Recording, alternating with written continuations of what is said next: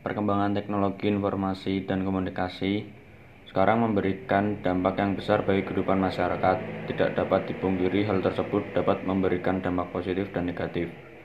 Salah satu dampak positifnya adalah memberikan kemudahan dan menyelesaikan pekerjaan instansi tempat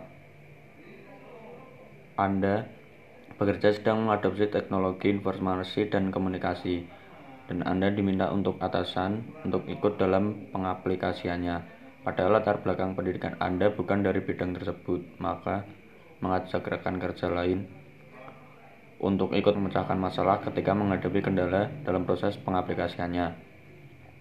Mencari berbagai referensi untuk menunjang pengetahuan dalam melakukan tugas tersebut baik dari literatur media cetak maupun media elektronik.